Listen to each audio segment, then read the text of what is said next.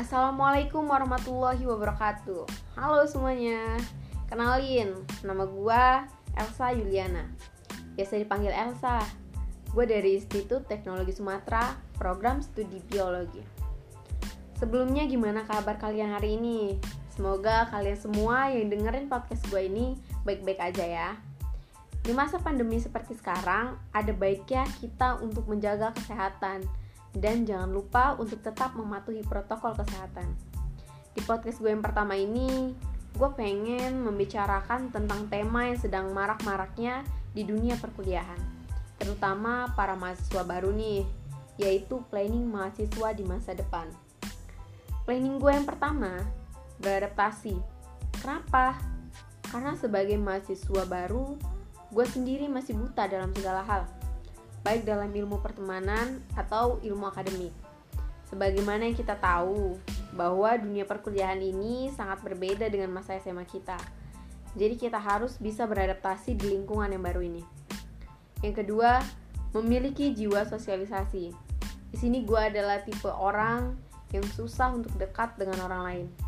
Jadi di dunia perkuliahan ini, gue memutuskan untuk merubah kepribadian dengan mulai membaur dan berkomunikasi dengan banyak orang. So, I can feel the warmth of friendship. Yang ketiga, aktif berorganisasi. Aktif berorganisasi itu sangat penting loh. Karena dengan aktif berorganisasi, we get a lot of positive things. Seperti memperbanyak wawasan, menambah skill, memperluas pertemanan, dan mengasah diri kita untuk lebih bisa berpikir kritis. Yang keempat, IPK 3 ke atas. IPK 3 ke atas itu adalah salah satu planning banyak orang, termasuk diri gue sendiri nih.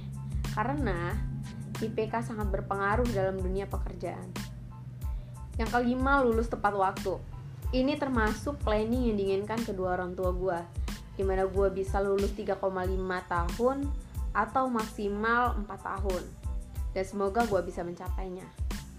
Oke, mungkin segitu dulu planning gue yang bisa gue ceritain ke kalian. Thank you udah mulai dengerin podcast gue. By the way, gue pernah sedikit baca kata motivasi yang bunyinya gini. Masa depan adalah milik mereka yang menyiapkan hari ini. Jadi, ayo kita sama-sama menyusun planning kita dari sekarang. Oke, sekali lagi thank you and see you.